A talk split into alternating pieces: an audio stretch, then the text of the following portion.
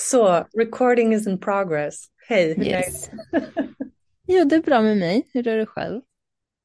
Bra, jag tycker du är så bra. Hon ska iväg och träna sen. Själv har inte jag tränat på några veckor. Jag undrar om jag ska ta tag i det igen. Mm, jag har känt ganska länge att det är dags att röra på kroppen. Så nu har jag hittat en träningskompis, vilket känns jättebra. Jag visste att det var det jag behövde för att verkligen komma igång. En kompis. Har en träningskompis. Ja men toppen då. Mm. Ska ni, ska ni träna på något? Vi ska springa. Det är ju typ min grej. Jag brukar alltid springa väldigt mycket. Varför är jag inte förvånad? Jag kan tänka mig att du löp på ganska bra. Mm, alltså det är något som alltid har varit så här, känns väldigt naturligt och jag förstod inte hur mycket det var min grej förrän jag började springa med andra och jag var så här, ja, ah, gud, jag, jag orkar ganska mycket mer, typ, utan att ha övat, eller liksom så här, utan egentligen ha gjort någonting. Jag har inte ansträngt mig. Är det fördomsfullt av mig att se framför mig alla de här maratonlöparna från Afrika som alltid vinner och är liksom överlägset bäst typ? Ja men alltså jag, ja men precis, nej men alltså vet du, jag har hört det där från flera och du vet, alltså jag kommer ihåg att jag hade en kollega som var så här, du ser ut att kunna vara så här riktigt bra på att springa så här. Och jag bara, ja vadå då? Och sen så såg man på honom att han vågade liksom inte riktigt säga varför. ja. Ja, men, Man bara, ja, jo men alltså du är ju... Eh. precis, kom inte riktigt fram med någonting. Men, eh, nej, men det ska bli skönt, skönt att komma igång lite. Ja, definitivt. Alltså jag... Eh... Än en gång, alltså jag... Jag har ju mina perioder när jag tränar lite mindre, men i regel så är jag ganska bra på att ändå hålla igång. Du vet, om det går så tio dagar typ utan att jag har tränat ordentligt, då, då känns det helt konstigt och då kommer jag på, liksom, då måste jag göra någonting. Men nu, nu har det svackat lite och jag känner än en gång att även fast det var så kaosigt, eller ja, kanske inte alltid bara kaosigt, men även fast det liksom var ohållbart och bo där borta i Sydamerika och jag var tvungen att komma hem till Sverige igen. Så du vet, det var ju så mycket ändå som är så här, bara leta efter en livsstil som liksom organiskt bara är att hålla igång. Mm. Utan att behöva, ursäkta mig, men utan att behöva hålla på så mycket. Träningskläder, när ska jag, vart ska jag, vilken typ av träning. Annat var det ju där, bara gå utanför mitt hus och pam, där är du på världens största strand, det är typ ingen i närheten, bara stretcha lite, yoga lite, hoppa i det kalla vattnet, havet, springa omkring. Du vet, det var så utan att du behövde tänka på saker och ting så var det ju jättemycket håll igång hela tiden. Ja, alltså jag håller helt med. Mm. Nej, men och... jag är bara sur. Alltså, jag är så sur över att jag är tillbaka, är tillbaka där jag började typ och var så här, ha? Vad var allt det där? Liksom, vad var allt det där? Och du vet, jag offrade allt typ och ändå ser jag bara straight back här. Jaha. bara, ha? Ja, ja.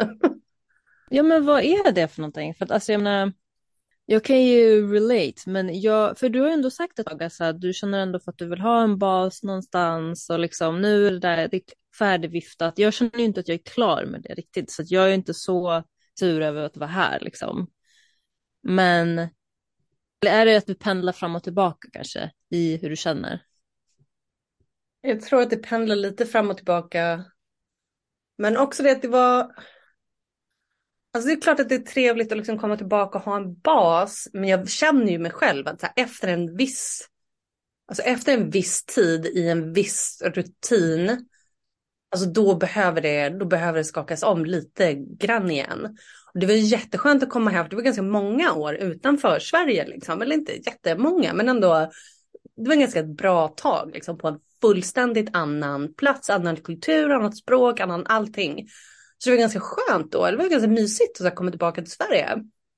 Men sen, alltså jag har ju ändå alltid vetat att så här, jag vill ju inte, eller hela mitt liv innan så har jag ju velat liksom någonting annat, lite bort ifrån kanske, eller du vet drömmen var alltid kunna göra, du vet hälften hälften. Eller att man har friheten att i princip när jag vill så liksom är jag i Sverige och när jag vill så är jag någon annanstans. Och länge så trodde jag att Peru skulle vara det här någon annanstans, att det liksom skulle hålla for life. Och så blev det inte så. Och istället så är det bara nu Sverige som gäller och jag ser liksom ingen annan det är liksom ingenting annat på, vad säger man, på kartan just nu. Ja, jag förstår liksom vad du menar. Jag tänker absolut att det kommer vara en omställning, liksom, men jag tänker fortfarande att du kan ju fortfarande ha lite av Peru. Det kommer inte vara som sist, sista omgången. Liksom. Men det kanske kan vara på ett sätt där det är, alltså jag tror att det är så lätt att falla i så här svartvitt tänk, speciellt om man är lite så här sur eller irriterad, att man bara så här, det är bara mörkt och så är det punkt, liksom, istället för att men det kan vara lite mer nyanserat och det kan få du kan få in Peru här och där. Det kanske inte kommer vara som sagt flera år i taget, men det kanske kommer vara så men, över varje vinter under en viss period eller över varje sommar när alla är lediga. Liksom. Då, då kan jag liksom åka iväg två, tre månader om jag så vill eller något sånt där. Ja, och så vet du, så säger Sarah till mig också att Emily, du är väldigt svart eller vitt. Du är väldigt svart eller vitt med dig. Och eh, jag antar att ni har rätt. Men med Peru också, alltså vet, jag, det finns liksom ingenting att återvända till riktigt. Har också att göra lite med att, alltså hur mycket jag än ville det där, så fick jag ju sen nog liksom inse och acceptera och gå med på att det mesta var ju ändå alltså någon typ av önsketänkande eller liksom du vet när vi pratar om eh, eh, the shadow reality och skuggsidan av vårt egna medvetande och liksom allting. Det var ganska mycket av det var ju det. Och då när jag liksom höjde min frekvens och läkte alla de här sakerna, då följer liksom de där grejerna bort för att det inte längre var en match. Och istället så du vet har jag hamnat nu i någon typ av verklighet där det är att det, liksom det, det vardagliga, normala och det ordinarie är liksom vägen så att säga. Det känns som att, det känns som att Gud typ vill och tycker att så här, det är bara, det behöver inte vara något speciellt. Och, eller du vet, och som vi har pratat om förut också, att det är så här, många fastnar i sin säsong av typ ermiten. eller bara sitta på ett berg och meditera resten av livet typ. Och det händer så här ingenting. För jag istället gav typ upp mitt liv och var så här, okej, okay, jag ska bara stå till tjänst. Jag ska bara stå till tjänst och jag har inte så mycket kontroll och bara högre krafter, whatever you want. Jag är med liksom. Och det är som att de bara, ja, då kan du åka tillbaka dit du kom ifrån, vara en sån vanlig människa och bara gör det. Och eh, mitt ego stretar emot. Jag funderar på om det är ditt ego eller om det är Alltså, det var det här lite som så här, vi var inne på förra veckan med så här, ens fantasi eller att man börjar tänka så här, men det här är inte något jag vill egentligen, men Gud vill det, så då, ja, men då får jag väl sitta här och göra det då, liksom. Istället för att så här, men det kanske, det kan ju lika gärna vara Gud som är så här, tänk utanför boxen nu. Du gillar inte det här obviously helt. Vissa av, delar av det gillar du och vissa inte kanske, men försök komma på någonting eller be om svar för någonting. Eller så här, hur, skulle, hur, kan vi, hur kan vi kompromissa då? Vi säger att Gud vill kompromissa. Så här, hur kan båda bli nöjda? För jag tror att det är så här extremt mycket människa att tänka att ena eller andra, antingen gör vi som du vill eller så gör vi som jag vill istället för att ständigt liksom sträva efter en win-win. Båda kanske kan bli glada liksom. Ja, jag har bara liksom fått den uppfattningen att om man liksom ändå gör det som typ Gud vill då, då går det liksom lite bättre än hur det gick för mig. Förstår du? Det är så, om det var i linje med det som liksom det hö de högre krafterna vill, då hade det liksom varit lite mer hållbart. Det hade varit lite lyckligare, det hade varit lite bara liksom bättre för att använda ett, ett enkelt ord. Ja, så som sagt, jag, jag förstår liksom var det kommer ifrån och jag, jag, är också med på det här att alltså, det är ju skillnad, tänker jag, på att streta emot det som sker kontrollmässigt. Alltså så här att eh, jag vill verkligen att något ska ske, jag vill att det ska ske nu, men allting tyder på liksom att så här, det här kommer inte gå igenom precis nu. Och det blir bara jobbigt och tungt och irriterande. Liksom. Okej, men då är det dags att ta en paus och lita på att så här, då var det inte dags nu. Men jag tänker att det är en annan sak när det är mer som en livssituation och att man tänker längre fram. För att om du nu ska sitta och vara så ah, men Gud vill att jag ska sitta i den här rutinen, det alldagliga och vara en vanlig människa. Så här, ja, i vissa aspekter kanske Gud vill det, men i andra kanske du är verkligen så här världens unikaste Emily. Precis som jag tror att alla har de aspekterna, att man har både två. Man har en rutin och en alltså något som är så här återkommande och lite alldagligt och tråkigt. Och det är ju där vi oftast landar och så här rechargar till exempel, vilket är jättebra. Men man kan ju också ha andra aspekter som får träda fram, även om det inte är på heltid, men liksom antingen i perioder eller någon timme per dag eller vad det nu kan vara där ens unikhet får komma fram också. Jo, jag bara säger det alltså, att ibland, just nu, alltså då tröttnar jag. Då tröttnar jag på det här med att manifestera och vara tacksam och bara, du vet, alla de där grejerna. Alltså jag bara tröttnar på det där så mycket. Mm. Jag, alltså ibland så önskar jag att jag inte ens hade, att jag inte ens hade liksom börjat, börjat öppna upp mig till alla de här grejerna. För det har lett till ganska mycket besvikelse liksom. Och väldigt mycket, väldigt mycket så här, ah, nu ska vi bearbeta gamla trauman. Eller bli, och du vet, eller bara bearbeta nya trauman också. så här, nu, alltså jag önskar typ att jag bara hade kunnat få behålla min ignorans, du vet. Du vet man säger så ignorance is bliss. Mm -hmm. Alltså ibland så bara önskar jag att jag bara hade kunnat vara så. Nej men jag förstår det och jag, jag tänkte på det här om dagen så här. Det, det är inte, jag tänkte här, det känns som att jag blir känsligare och känsligare. Inte bara när det gäller människor och energier, men även fysiskt sett, alltså med ljus och ljud. Alltså gud vad det bullras på gatorna hela tiden och det ska byggas så här. Folk ska prata högt i telefon hela tiden och sådana saker. Så jag bara, ah, vad är poängen med att jag blir känsligare och känsligare och världen typ ändras inte liksom. Jag fattar inte poängen. Alltså you said it. Just det här med ljudkänsligheten.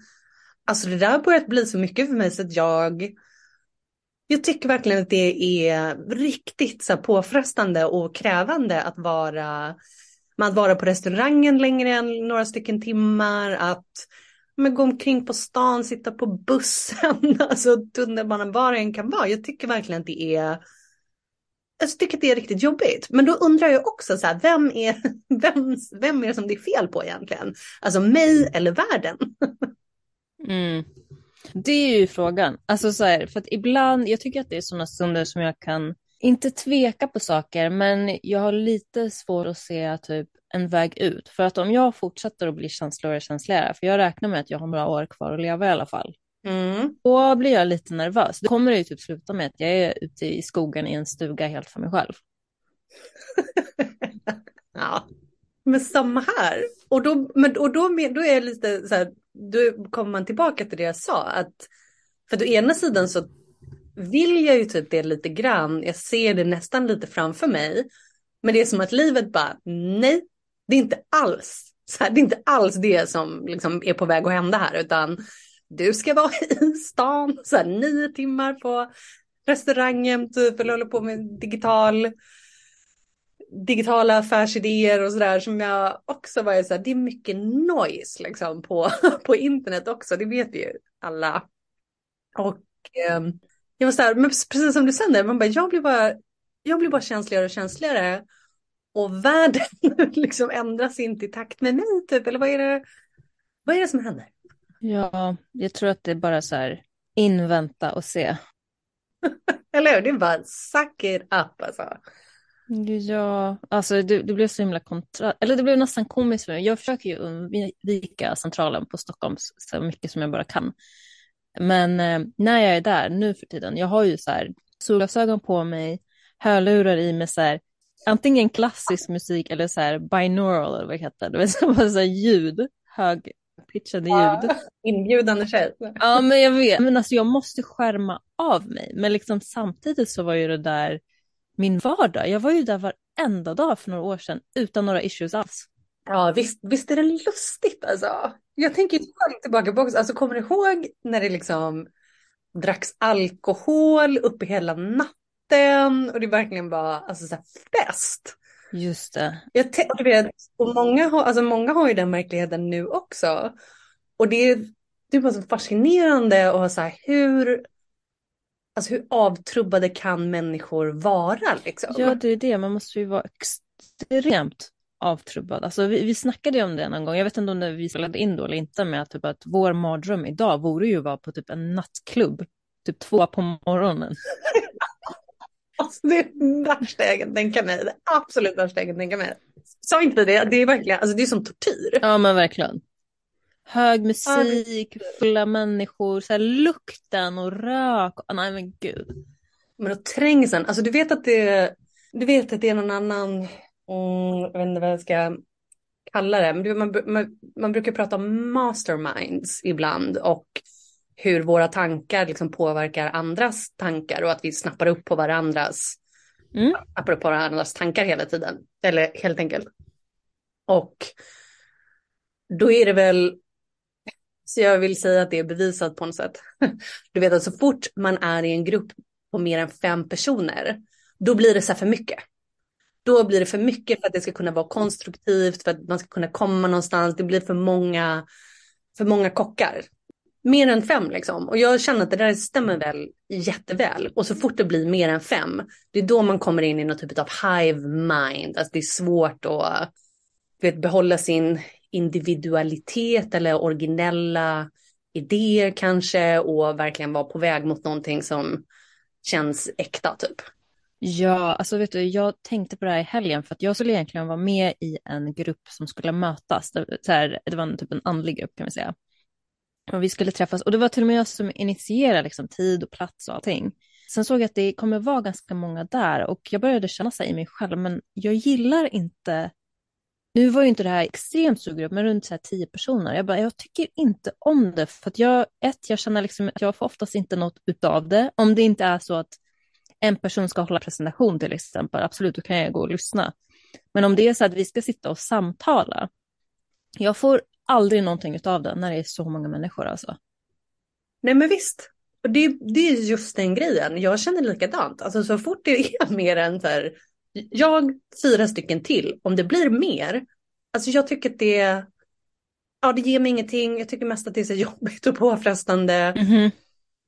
Det är mest blaj liksom. Det är blaj och jag känner alltid att jag, inte att jag in, inte är mig själv, men jag känner nästan att jag går in i en roll när det blir sådär. Att, speciellt typ om någon säger någonting, att jag går oftast in i en roll där jag vill så här, stötta den personen. Bara, ja, bra att du sa det. Alltså du vet, mest för att jag vill att personen ska liksom må bra i det den har sagt. Ja. Jag vet inte varför. Eller om jag säger någonting, då det kan inte bara komma naturligt, utan det är så här, jag vet inte, det är någonting som jag inte gillar. Jag vill helst att det ska vara jag och en max två personer till.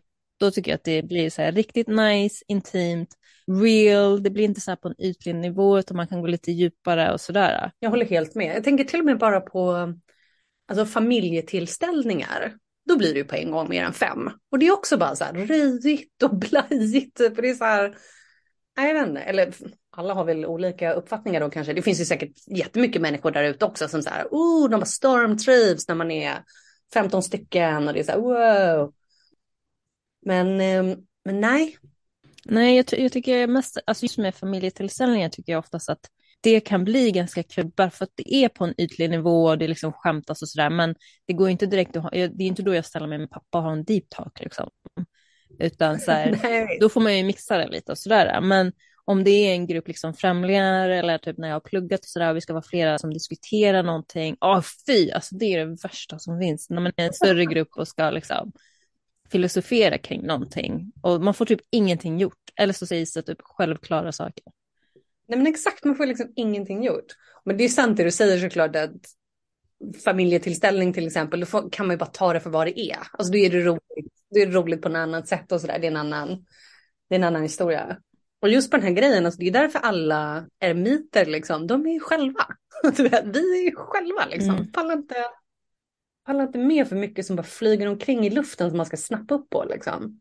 Alltså jag undrar om det är därför, för att jag har ju varit på tillställningar där, där det har varit ganska mycket folk. Nu aktivt så undviker jag faktiskt det, men jag försökte hålla på ett tag till. Och jag vet inte, jag bara verkligen det är så lätt, tycker jag, på sådana tillfällen att läsa av människor. Ja, det har du nog rätt i. Berätta mer.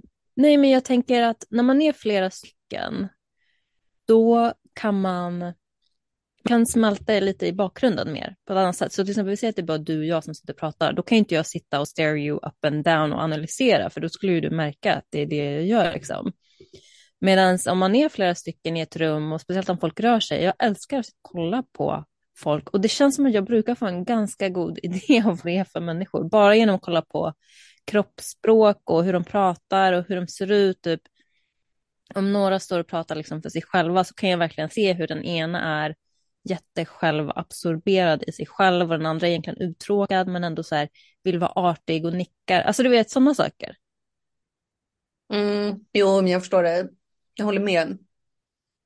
Jag tror som du sa, alltså så fort man är så många, då känns det som att det är så per, per automatik typ så är det, det de mer ytliga delarna av en psyke som bara klickar på. Mm.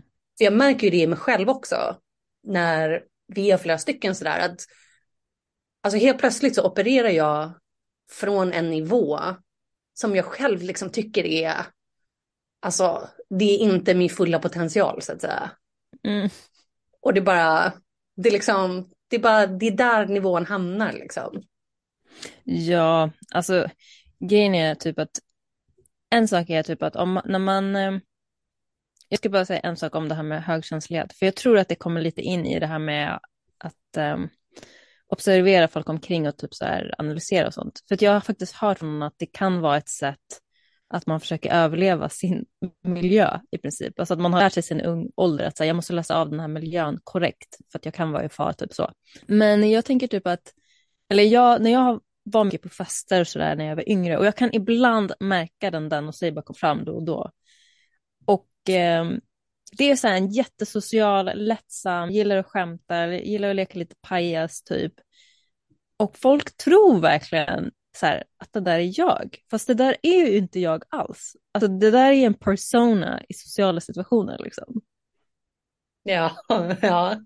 Vet du vad jag tänker på också? Alltså jag tänker på, apropå nattklubb typ, eller så stora, alltså stora konserter, stora folksamlingar, så demonstrationer och sånt där. Alltså det är också någonting som jag, alltså jag skulle typ aldrig vilja nu. Jag vill, jag vill bara inte.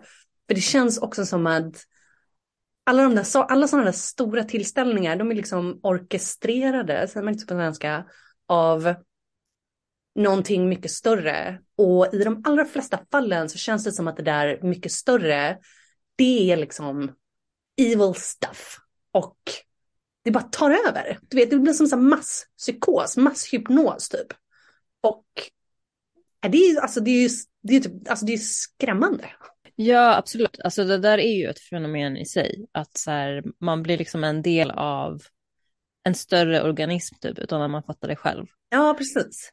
Men samtidigt ska jag nog också säga att det kan användas till gott och ont. Jag tänker på det, så här, munkar till exempel som ses och mediterar tillsammans. Eller typ, jag vet att mamma brukar alltid säga att i Mecka är det en jättespeciell energi. Och det kan jag verkligen tänka mig när man är så många och ber tillsammans. Alltså att man har en en hög stämning ihop. Det kan nog ge väldigt mycket så här, läkande och fin energi utåt. Men som med allt annat, det kan ju vridas åt andra hållet ganska extremt också.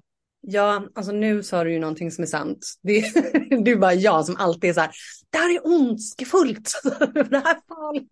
Nej men allt kan vara det. Och grejen är att det mesta vi ser är ju det. Så det är ju inte konstigt egentligen. Nej, eh, nej men du vet, I always go there bara. Men det är sant som ni säger i Mecka då till exempel.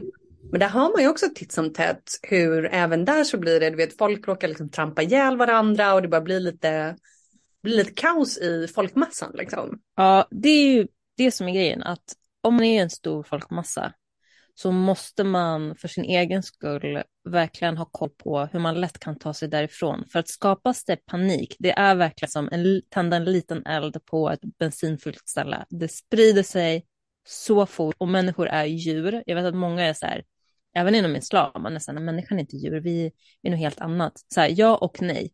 Vi har ändå de här primal instinkterna i oss liksom. Så på det sättet är vi det. Men absolut, vi har ett högre medvetande än en kossa till exempel, eller vad det nu kan vara. Men mm. börjar det där, då kan det gå riktigt, riktigt illa alltså. Ja, alltså det här får mig att minnas. Det här får mig att minnas en gång när jag åkte buss i vart det nu var i Sydamerika. Och då var det ganska sent på natten, det var så övernattbuss, så det var ja, men du vet, tidig natt, sen kväll. Och så pajade bussen.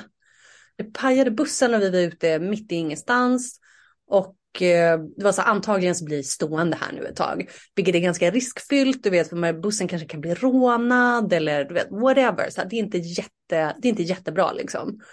Och Även fast jag i sådana tillfällen är ganska filbunke. Alltså du vet, jag äter, du vet, jag oroar mig liksom inte för sånt där. Det är ju obekvämt kanske att vara så här, ah, nu tar det längre tid typ. Men jag tycker inte sånt där är så jobbigt. Men resten av bussen börjar ju på en gång. Du vet, lite panikartat, lite så här, jag är upprörd. Varför är det ingen som berättar vad som händer? Wow, wow, wow, wow. Och jag var så här, wow, va, vilket stresspåslag jag känner. Du vet varför, varför får jag hjärtklappning typ? Alltså shit vad, ah, jag bara önskar att jag inte var i den här folksamlingen liksom. Mm, mm. Men gud vad obehagligt. Ja men du vet att behöva så här, den här högkänsligheten är osoft. Jag tror speciellt om man är högkänslig och det blir så där, man snappar ju upp allting. Och även om man vet, eller jag har varit i den situationen flera gånger så här, jag vet att det är det är någon annans stress, det är någon, någon annans ångest just nu eller vad det nu kan vara. Det, det tar ju inte bort ångesten hos mig för det. Den är ju kvar där ändå. Liksom. Ja, exakt. Och, precis, och, så för du vet, och då kommer vi in på det här också, att det finns, det går massa rykten, eller det finns massa information där ute om att människor som vi, vi skulle vara liksom strategiskt typ placerade på jorden för att kunna processa all den här negativa energin åt, typ, åt andra. Du vet, det är som att så här, vi är här för att tjäna mänskligheten på det här sättet. Mm -hmm. Ja, mm -hmm, säger du. Det var som att du inte har hört det förut. Jo, alltså grejen är att jag har ju alltid haft den känslan fast på ett negativt sätt. Nej men jag menar så här, jag har alltid känt så här, även innan jag kom in på det här med andlighet och så där, så har jag alltid känt att ja, men jag är här för att liksom sopa upp efter andra typ. Jo men det är väl, eh, det är väl precis, precis det det är inne på. Och då är vi tillbaka lite på där jag började beklaga mig sen från början idag. För att det där snappade jag upp eh, liksom från många olika ställen och så här och ett tag så var jag så här, ja men okej, jag skriver under på det helt och hållet. Det är så här, det ger mig mening, du vet, så att eh, okej, då är vi här för att transmutera och processa massa negativ energi från hundratals och tusentals år tillbaka liksom tills, till nutid och vi gör det liksom för typ planetens skull, för mänsklighetens skull, whatevs. Men sen har jag också då typ tröttnat på det. Och vad säger vad är det här?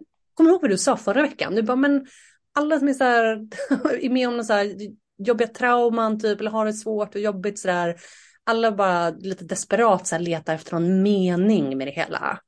Och jag tror att det där är lite applicerbart, applicerbart på den, på den här högkänslighetssituationen också. Att det är så här, nu måste vi försöka hitta någon mening med det här. Liksom. Och meningen är liksom att, vi, att vi tjänar det stora, det stora syftet och mänskligheten och sådär. Men jag, jag blir lite lack på det. Alltså jag... Ja. Ja, nej, men jag förstår det. Jag, jag kommer ihåg att jag tog upp det med en terapeut för länge sedan. Då använde, använde inte jag exakt de här orden. Hon brukade ju säga till mig, du är nog högkänslig, men jag, var allt, jag vet inte varför jag gjorde så mycket motstånd till det. Mm. Då sa jag något så här, jag, bara, jag känner mig som konstant, alltså som att jag är en tapet. Jag är ständigt i bakgrunden och sen när någon behöver hjälp eller stöd eller vägledning eller må bättre, då ska jag vara där som att så här, det är det enda jag är till för. Liksom. Men hon var ganska noga med att poängtera att så här, nej men du är ju här för att leva ditt liv. Och att bara genom att så här, vara dig själv så, det blir det här igen att så här, man kan ha båda. Man kan vara sig själv 100% och leva sitt liv så att säga. Och samtidigt tjäna andra eller mänskligheten eller vad det nu skulle vara. Men det är något det här med att känna mänskligheten som jag ibland tycker låter lite som att så här, ja, men som att vi är städhjälp. Alltså förstår du hur jag menar? Det är inget fel att vara städhjälp, liksom. men om vi nu ska liksom få göra ett ganska så här jobbigt arbete, egentligen för vad? Alltså vad vinner vi på det? Det kanske är jätteego att säga liksom, men jag förstår inte riktigt varför det skulle vara ett nöje i sig. Nej, men precis. Men då, ehm, det ska väl då handla om att för vissa skolor av tanke och filosofi och sådär, de påstår att den högsta lyckan i livet egentligen är att tjäna andra. Och att det, vi borde bara vara tacksamma över att vi får göra det. Mm. Och på riktigt så här, bara det du vill, ditt ego och så här, spelar ingen roll. Så att om du bara kan liksom få den delen av ditt psyke att lugna ner sig, då kommer det, då kommer det vara lätt som en plätt, typ att stå på T-centralen i Stockholm eller att jobba nio timmar på en restaurang. Och du vet, då kommer du bara tycka att det känns bra för att du gör, du gör det du är här för att göra. Ja, nu känns det som att jag har a long way to go alltså. men det är det jag menar också, att jag, så här, men jag, jag gillar det inte. men kan inte det bara handla om att man är på fel plats också? Alltså kan det inte vara så, okej, okay, du är jättehögkänslig och att livet försöker därför göra det så här jobbigare och jobbigare. Det blir, ljudet blir högre och högre eller bullret blir mer och mer. För man ska liksom, inte för att du ska stå där och vara tacksam och tåla det, men för att så här chas liksom iväg med dig. Gå någon annanstans, du ska inte vara här liksom. Ja, du menar så att man får ändan ur och börjar skapa en annan, ett annat liv? Mm. Mm, precis. Alltså jo, det är ju kanske sant. Och då, i mitt fall så handlar det väl bara om att jag försökte liksom skapa ett nytt liv fast på fel sätt. Typ på fel ställe med fel människor och så höll det ändå inte i slutändan. Och ja, då, du vet, ska jag gå runt och vara lite sur och besviken över det typ. Ja, jag förstår. Alltså jag kan inte, det låter som att du startade ju mer av ett liv där liksom. När jag var i Australien, även om jag var där lång tid, så rörde jag på mig liksom ganska mycket. Och eh, jag hade tänkt att vara där mycket längre och så var det inte riktigt. Ja, visst, jag var besviken för det ett tag, men jag tänker ju hela tiden så här, jag ska ju tillbaks dit.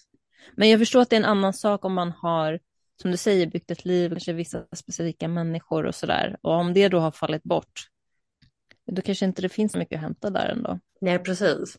Nu har jag gått och liksom blivit lite låst i någon ny verklighet här. Mer om det i kommande avsnitt. Men eh, det är liksom en del nu som är, ja, som låser in mig i ett nytt liv liksom.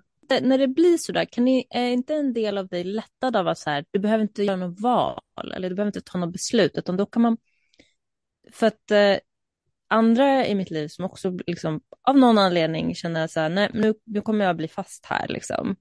De blir nästan så här, ah, då är det inte så mycket att göra, då är det bara, men samtidigt för sig, de har ju inte levt fullt ut, eller vad man ska säga heller. Alltså, ja, ibland kan jag tänka mig att när man blir låst vid någonting eller en viss livssituation, att en del av en liksom ger upp för att säga, jag kan inte göra så mycket åt saken i alla fall. Det är den jag känner just nu.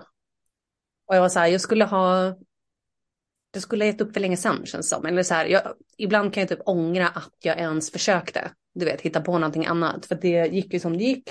Och nu är jag här i alla fall. Aha, nej men gud. Alltså jag tror ju att du, vi hade nog inte ens känt igen dig som du är idag. Om du inte hade åkt iväg. Ja, nej, alltså det är ju sant såklart också. Och jag menar, det är ju så här. Jag tror inte att det var ett misstag. Och jag tror inte att det faktum att så här, du är tillbaka i Sverige ta bort från allt du har varit med om. Liksom. Så här, det, det ju, man åker ju för liksom resans och upplevelsens skull. Annars skulle ju ingen ens gå på semester, då skulle jag bara vara kvar här. För att så här, om jag ska på semester, då jag kommer åka iväg två veckor, sen kommer jag ändå tillbaka, så det är väl ingen idé att jag åker iväg. Alltså så här, förstår du? Ja, ja, ja, ja.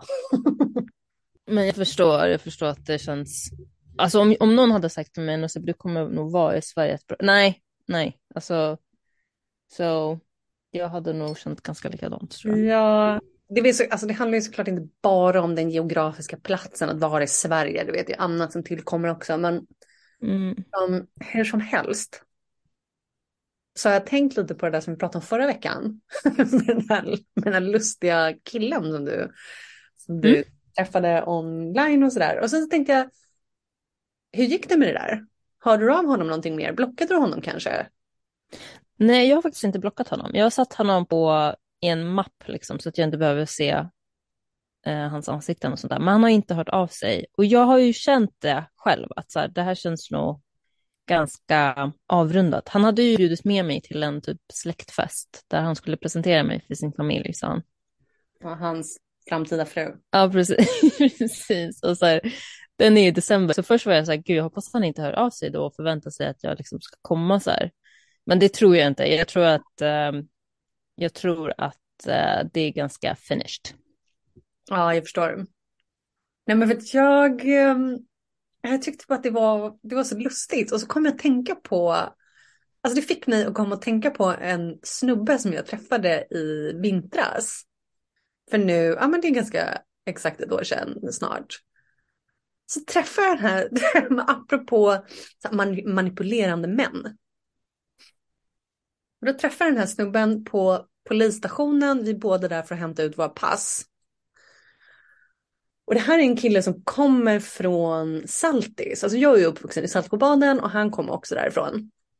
Till historien hör att jag några dagar innan jag träffar honom så kommer jag att tänka på honom eller hans ansikte så här, dyker upp hos mig i mitt medvetande eller hans, hans ansikte så här, dyker upp. Inte för att vi känner varandra. För då var det så här att han är några år äldre än mig vi gick i samma skola samtidigt, så högstadiet, gymnasiet typ. Vi känner inte varandra, vi har aldrig pratat med varandra, men vi har gått förbi varandra bara tusen gånger på den här Saltsjöbanan och så här, bor i samma kvarter och sådär typ. Och det här är en människa som jag också, så här, jag har inte tänkt på honom på 15 år, du vet, sen vi slutade så här, gå i samma skola.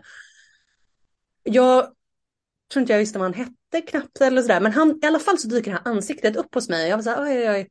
Att vara hemma i Sverige igen typ och bli påmind om saker. Eller vad lustigt liksom, saker man kan minnas från sin barndom. Så här, till och med ansikten på folk som man inte ens känner. Men bara en ren så här, vansak. Typ.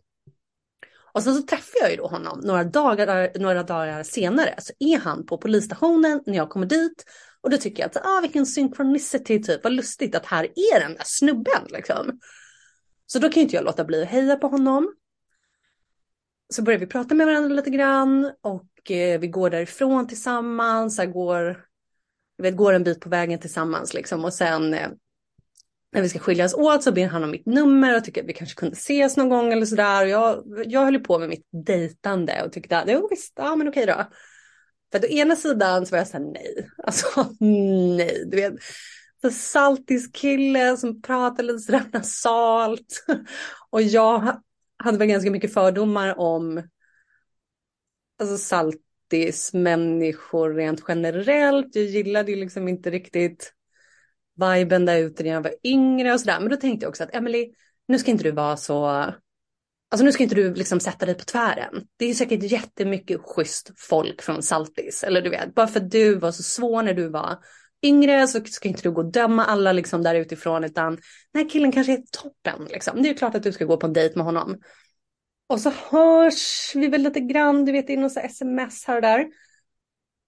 Men apropå då den, din kille som vi pratade om förra veckan, så nu blev jag påmind om liksom hur det slutade med den här killen från Saltis. För att han var också så högst dysfunktionell. Du, du, vet, och jag fick så här, jag var så här, Emily, du kunde ha hållit på dina fördomar, du hade liksom ingenting att hämta hos den här killen. För då slutade det också med att han, vet du vad han skrev till mig så här? Då höll vi på att smsa fram och tillbaka. Och eh, så sa jag någonting i stil med att, eh, ja men att jag liksom dejt dejtar andra. Eller att jag liksom håller på att dejta runt lite eller så här, jag har, har den där Bumble-appen och lite sådana här saker. Och han var så, ah, nej men alltså du typ nej tack, eller vet jag är monogam. Ja, nej. Och jag bara, jo. ja, jag så här, jo men alltså det är ju jag med men jag går inte, jag går inte saker och ting i förväg liksom eller så bara hoppa in i någon relation. Vet, förstår du, han och jag hade inte ens varit på någon dejt. Eller vi hade liksom inte ens setts. Mm. Och jag hade börjat få känslan av att så här, men det här vibar liksom inte riktigt. Men Alltså det kan väl vara kul och, alltså det kan väl vara kul att ses ändå någon gång. Liksom. Vi, båda, vi är från samma gamla kvarter och sådär, varför inte? Och vet du vad han säger till mig då, som var så här, den stora grejen när jag insåg att så här, den här mannen, alltså han är farlig. Han sa, ja, jag har naivt slutat prata med andra sen vi träffades, säger han till mig. Och jag så här, ja, och jag var så här, men det här är inte klokt. Du, alltså den här människan är liksom sinnessjuk. Och det är inte, det här är ju uppenbarligen inte sant. Alltså det här är ju bara någonting han säger för att jag var då typ ska få lite dåligt samvete. Jag ska så här, du vet, bara, åh nej, men bara känna att jag är typ på väg att förlora honom typ och ska så här vara så himla tillmötesgående eller någonting. Och jag insåg ju också att typ 25-åriga Emily, hon hade ju typ gått på det där. Jag tror inte ens att det var sant. Utan det var verkligen bara någonting han sa. Det var bara någonting han sa. Det var bara osoft. Liksom. Men det är osoft. Jag skulle kunna sitta här och beklaga mig hela dagen. Men eh, dags att gå vidare. Ska vi avrunda för dagen? Ja. Okej, okay, hej då.